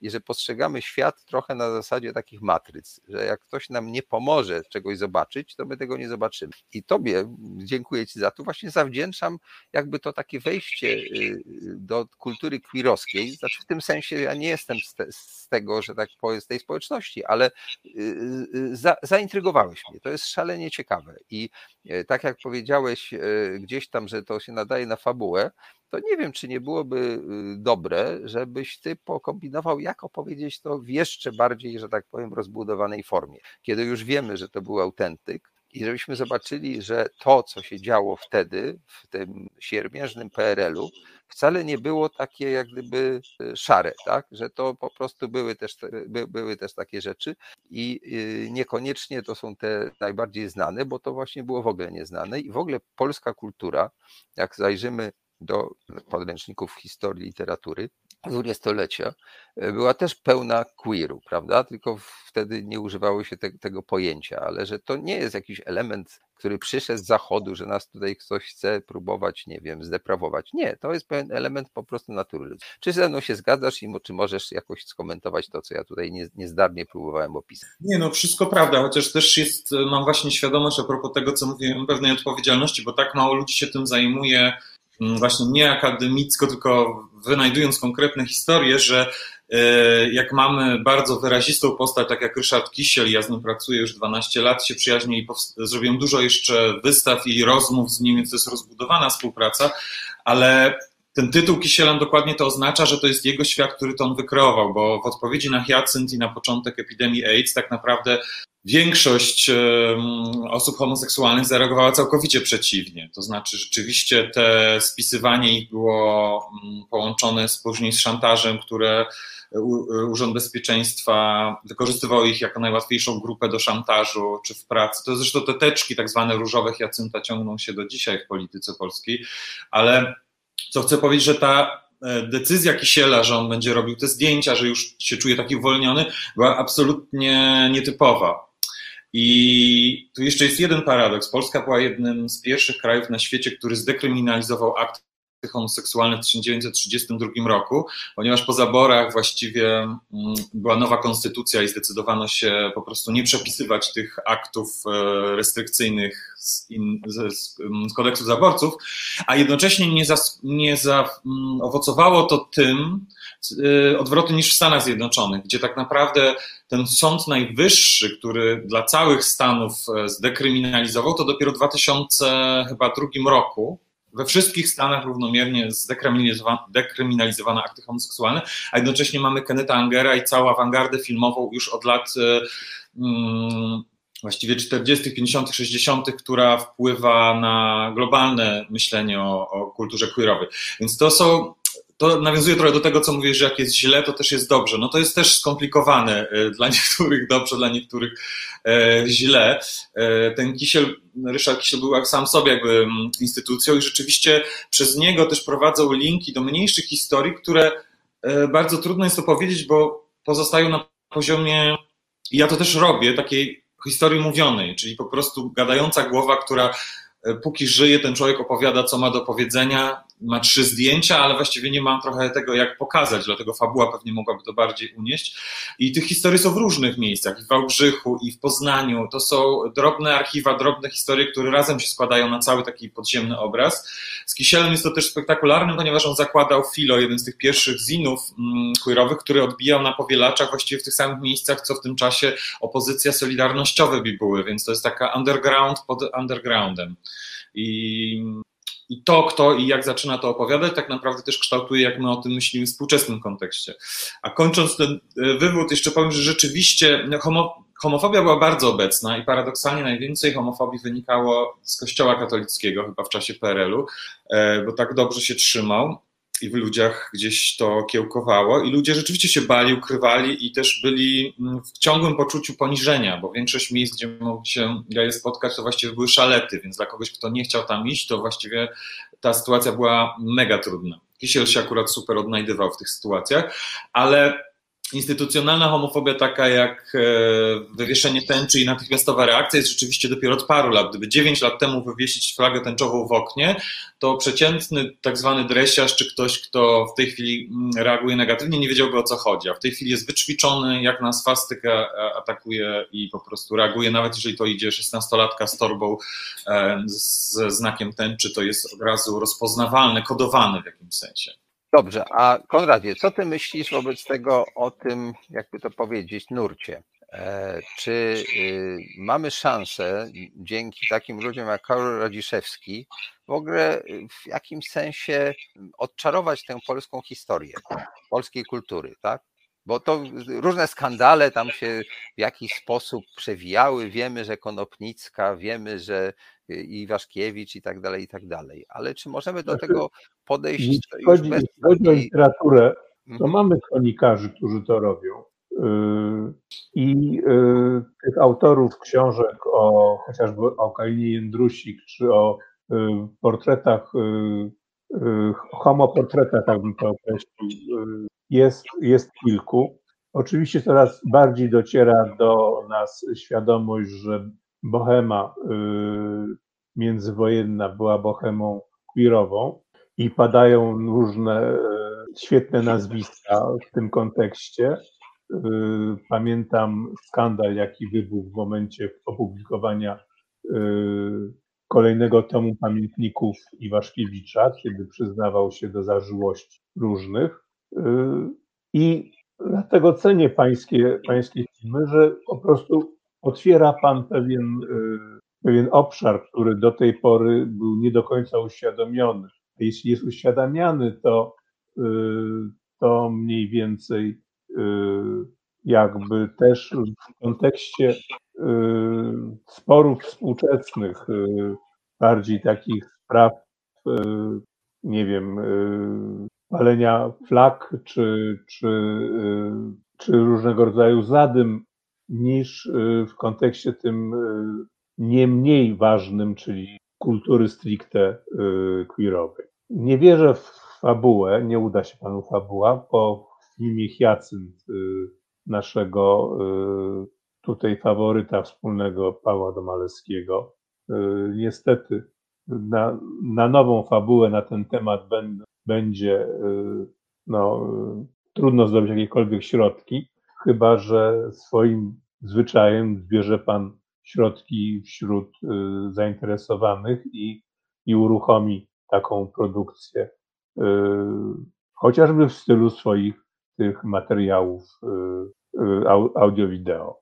Nie słyszymy cię, Karolu. Chyba nacisnąłeś albo ktoś nacisnął e, wyłącz. Teraz mnie słyszysz? Tak. tak. Właśnie trochę do tego zmierzałem. Ja też nie do końca chcę wchodzić w buty fabuły. Zresztą film Hyacynt mi się zdecydowanie nie podobał i właściwie mam same krytyczne opinie na jego temat, ale między innymi to, że zupełnie nie mówi głosem prawdy i społeczności i dlatego z, tytułem i tym zabraniem finansów zablokował tak naprawdę e, dalsze produkcje, które były e, bliższe temu, jak to mm, wyglądało. Natomiast e, to, co Pan mówił o Bohemie, rzeczywiście ja trochę skapitulowałem i nowy projekt, na którym pracuję, o Karolu Szymanowskim, będzie miał formę wystawy obrazów i serii tekstów, ponieważ materiały, które pozwalały nawet na skromny film, są zbyt po prostu to nie działa w ogóle jako praca filmowa. To musiała być albo już wypasiona fabuła z rzeczywiście scenografią i ze wszystkim, czegoś, czego się nie da powtarzać przy tym PRL-u, gdzie właściwie nawet ogrywając samą kamerą, czy wchodząc w ten klimat, można bardzo łatwo e, dać jakiś e, wizualność. Przy Szymanowskim mm, e, zdecydowałem się na serię obrazów i maluję takie sytuacje, o których czytam w nowych biografiach, też to bardzo ciekawych i już podchodzących bardzo odważnie, ale mm, nie będzie tam żadnego materiału e, filmowego w związku. Ja mam nadzieję, że e, będzie szansa na to, żeby zrobić e, taki właśnie, jak ty możesz zrobić, i że to będzie film fabularny, do którego napiszesz może z kimś scenariusz i który ty wyreżyserujesz. Bo ja byłbym tego bardzo ciekaw i bym się tutaj nie zarzekał, że to jest niemożliwe. Także chętnie o tym z tobą jeszcze porozmawiam. A teraz chciałbym, e, żebyśmy spojrzeli może na ostatni trailer z tych, które tutaj mi dostarczono, mianowicie trailer filmu Bestie ze złego. I proszę obu panów o e, no, skomentowanie tego po obejrzeniu tego materiału. E, Asiu, prosimy o projekcję. Zły nie chce być kolejnym męskim, szowinistycznym zwierzyńcem. No one looked at skin color, no one looked at your sexual orientation. Chcemy zbudować nową społeczność. We are trying to change something in, uh, in sports and also in mentality of people.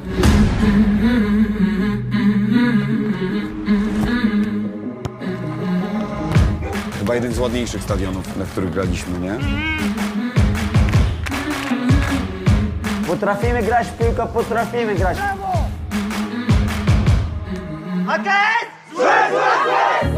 Za chwilę usłyszymy gwizdek, który wezwie Was być może na najważniejszą batalię w Waszej karierze. Wielu z nas czuje się, jakby brało udział w eksperymencie. Jesteśmy za miłe! To się nie dzieje dobrze, jeśli połowa społeczeństwa czuje, że druga połowa mają w dupie. Skoro obowiązków więcej, osób mniej, to skąd w klubie pomysł na awans, powiedzcie mi? To nie może być tak, że my się kłócimy. My musimy być dla siebie wsparciem. Una mattina mi sono svegliato. Oh bella ciao, bella ciao, bella ciao, ciao, ciao. Una mattina mi sono svegliato e ho trovato l'invaso. Oh partigiano, portami via. Oh bella ciao, bella ciao, bella ciao, ciao, ciao. Partigiano, portami via. Bestie ze złego, film dokumentalny opowiadający o drużynie sportowej łamiącej konwencję. E, I może zacznijmy od Karola. Jeśli całego filmu nie widziałeś, to mhm. mogłeś złapać e, nitkę queerową. Czy widziałeś cały, czy tylko to? Tylko to, nie, nie zdążyłem jeszcze być na seansie na festiwalu. Tam są dwie bohaterki, które są parą i się zastanawia, jedna z nich gra, a jedna jest kibicem E, i zastanawiają się, czy tu zostać, czy wyjechać. No więc to jest taki wątek, powiedziałbym, z kategorii Human Rights dotyczący społeczności LGBT, ale to, co jest ciekawe, ten problem jakby właśnie nie istnieje w tym klubie, tak? Znaczy nie istnieje w tym sensie, że właściwie one są takie same jak wszyscy inni, poza jednym faktem, mianowicie klub w którymś momencie miał się wypowiedzieć w obronie czy, czy za tam, prawami tam LGBT, do czegoś nie pamiętam, i się nie zdecydował to w zasadzie jedyny taki akcent. Oni uznali, że w środku jest tak, jak jesteśmy tolerancyjni, ale nie będziemy się z tym afiszować. Dobrze, to Konradzie, ty film widziałeś, prawda? Yy, niestety nie udało mi się tego filmu zobaczyć, natomiast yy, też yy, sporo o nim słyszałem. Dla mnie naj, naj, najbardziej ciekawa jest sprawa taka, że ten film, że ten klub powstał jako pewna, jakby to powiedzieć, nie wiem, czy nie dla zgrywy po prostu. To miała być taka towarzyska zabawa.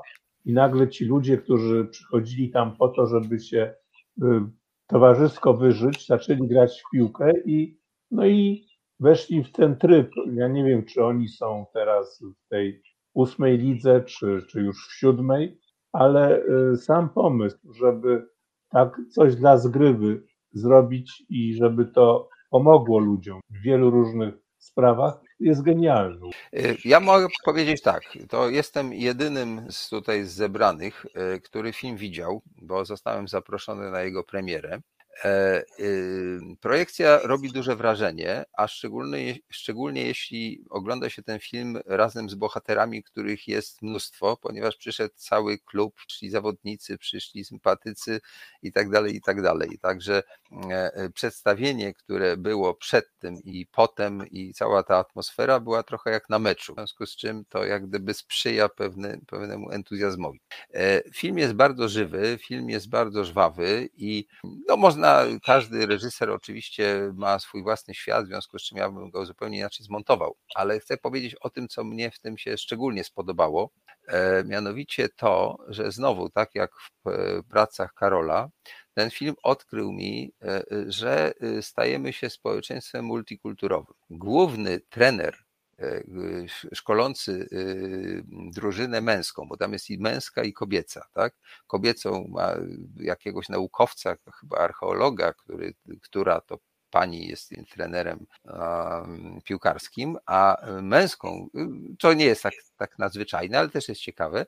Natomiast męską drużynę, e, ten selekcjoner, ten trener, który się nimi opiekuje, jest Palestyńczykiem e, z Izraela, z Palestyny, no stamtąd, tak? Który e, jest wyznania grecko-katolickiego, i mówi po polsku i od paru lat mieszka w Polsce. No, ta mieszanka jest jakoś niesłychanie jakby wymyślona, prawda? Gdybyśmy w filmie fabularnym taką postać spotkali, to by oczywiście ktoś powiedział, że scenarzysta oszalał, bo to niemożliwe. Jaki Palestyńczyk będzie grekokatolikiem i w dodatku przyjedzie do Polski, nauczy się polskiego, będzie trenował dosyć taką oryginalną, ale nie jakąś no, ekstra drużynę piłkarską. A okazuje się, że tak może być, tak? I że ta mieszanka, tu ta para queer, tutaj ten Palestyńczyk, tutaj jakaś pani naukowiec, to wszystko można połączyć w jednym tyglu i ci ludzie troszkę się kłócą. Tam są takie sceny, kiedy oni się spierają, ale oni się spierają, powiedziałbym, pięknie. To znaczy, oni się nie spierają tak, że już nie mogą więcej wejść do tego samego pomieszczenia, bo by się opluli. Nie, nie. Oni po prostu się kłócą, ale e, dyskutując dochodzą do jakiegoś konsensu. I to jest bardzo ciekawe. Ten film niejako wyprzedził to, co się dzieje teraz. E, polski naród, używam tego tak troszkę w cudzysłowie, przestaje być e, homogeniczny, przestaje być, że tak powiem, takim wzorcem katolicko-narodowym, spełniającym te takie kryteria e, narodowo-kościelne, ponieważ się okazuje, że wśród nas e, paręnaście procent to są ludzie z Ukrainy i prawdopodobnie oni zostaną. A przyjeżdżają Palestyńczycy, a przyjeżdżają różni inni i niezależnie od intencji obecnych władz, za 5 czy 10 lat Polska będzie zupełnie innym krajem. I w jakim sensie ten, ten film dla mnie to zapowiada, bo pokazuje, że można, tak? Że to jest coś takiego, co się dzieje i tylko trzeba stworzyć pewną platformę, taki teren, na którym ci ludzie mogą się rozsądnie spotkać, tak? Tam nie ma polityki, no poza O, jest, jest jedna scena, która podobno wzbudziła kontrowersję u pewnych władz, ale została w filmie, mianowicie e, e, wyruszają te bohaterki na manifestację strajku kobiet. To jest taki jeden z elementów, ale on nie dominuje, po prostu jest. Także to jest jakoś osadzone jednak w tej przestrzeni, e, w której żyjemy. Ale jakby optymistyczny ton tego jest po prostu taki, że można, tak? I że niezależnie od tego, jak bardzo ci ludzie są różni, w jakiej przestrzeni przyszło im żyć, a oni, y, szmulki w Warszawie to jest trochę tak jak y, ta sceneria filmu Lombard, prawda? To jest ta taka tak zwana gorsza część Warszawy e, i ilość rozmaitych tam wykroczeń i różnych takich niemiłych sytuacji pewnie jest bardzo duża.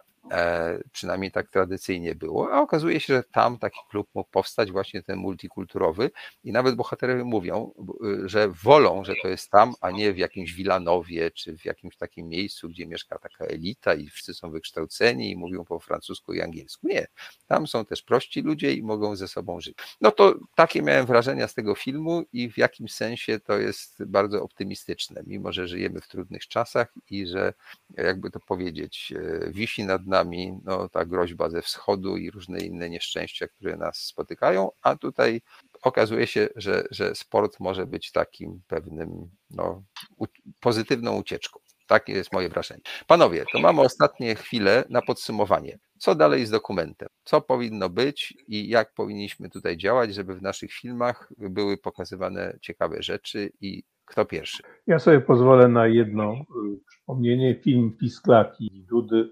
Nie zdążyliśmy, przepraszam, no, ale. Nie zdążyliśmy. Natomiast y, to jest taki film, który nawiązuje do filmu 1963 roku Andrzeja Brzozowskiego, to jest Jajko, gdzie y, dzieciaki uczą się organoleptycznie, co to jest jajo, y, badają palcami, wąchają, y, smakują białko i żółtko surowego jajka. Bardzo Natomiast niezwykły film na tamte czasy, bardzo niezwykły. A ten film jest też niezwykły, bo jest czarno-biały, półtora godzinny dokument o trójce dzieci, które zaczynają naukę w laskach. Jedno jest niedowidzące, dwoje jest całkowicie niewidome. I pokazuje się, w jaki sposób te dzieciaki dojrzewają do dorosłego życia. Niby to, trwa to przez rok i postępy są rewelacyjne. I ten y, film y, Lidii Dudy po prostu, jeżeli Państwo będą mieli okazję, proponuję zobaczyć, bo jest to, jest to rzeczywiście wzruszająca, piękna opowieść o tym, w jaki sposób wychowuje się przystosowuje się do życia każdy człowiek, nawet taki nie do końca sprawny. No a jeśli chodzi o sam y, festiwal, to y, ja trzymam kciuki po prostu za ten festiwal, takie nasze okno na świat. I to dobrze, że ten festiwal jest jeszcze przed festiwalem krakowskim, bo po, pozwala po prostu otworzyć perspektywę na kino światowe i później jedziemy do Krakowa, oglądamy filmy krakowskie i yy, jest nam lepiej bo poznaliśmy trochę, trochę świata więcej niż, niż normalnymi kanałami y, przez internet czy co. Tak, dokument daje nam to, co wydaje się niesłychanie ważne, mianowicie możliwość kontaktu ze światem w taki sposób, że zaczynamy więcej rozumieć właściwie, co się wokół nas dzieje. Myślę, że to jest niesłychanie ważne. Jedne tytuły są lepsze, drugie gorsze, ale to nawet nie chodzi tylko o to, że wszystkie muszą być doskonałymi filmami po prostu ma być ciekawie i ma nas to y, zachęcać do jakiejś refleksji. Myślę, że ten festiwal wyjątkowo dobrze to spełnia. Karolu, ostatnie masz y, teraz y, półtorej minuty na jakieś podsumowanie. Oddajemy głos osobie, która portretuje Queen. Słuchamy Cię. No więc właśnie może w nawiązaniu do tego, co już padło, powiem, że kluczowe chyba jest y, dopuszczenie głosów y, do robienia dokumentów ludzi, którzy może nawet sobie nie zdają sprawy, że mogliby to zrobić. Jak kiedyś Jean Cocteau powiedział, że film nie będzie sztuką, dopóki kamera nie będzie tania jak ołówek i papier, to mi się wydaje, że w dobie właśnie iPhone'ów i różnych dostępnych środków jest to już możliwe, ale wciąż to, jak działa jakby industry, festiwale i tak dalej, jeszcze do, nie do końca mm, zasysa te inne spojrzenia i często te odmienne grupy czy osoby nie mówią w swoim imieniu, tylko ktoś za nich, ktoś robi dokument o tym, o tym i o tym. Więc ja bym sobie życzył, żeby się też rozszerzyło to pole, może też życzę sobie tego, bo też wchodzę właściwie trochę mm, na skróty czy z boku do, do tego świadka, ale wtedy te głosy myślę były, że jeszcze ciekawsze i ta kamera mogłaby trochę f- funkcjonować bardziej od wewnątrz i na takie też filmy czekam najbardziej. A jeżeli chodzi o queer i y, te tematy, pojawia się ich coraz więcej właśnie w kontekście aktywizmu, polityki, pewnych obserwacji, co mi pozwala znowu e, ze spokojnym jakby sumieniem siedzieć w tych archiwach i bardziej zajmować się historią i bardzo tak fokusować się na coś, gdzie, gdzie trzeba wejść w głębiej i przez specyficzne mm, kontakty, więc gdzieś tam pewnie pozostanę. Bardzo dobrze. Bardzo panu dziękuję. Mam nadzieję, że będziemy jeszcze mieli okazję się spotkać, bo to jest temat, który jest niewyczerpany i evergreen. Do następnego razu. Dziękuję bardzo.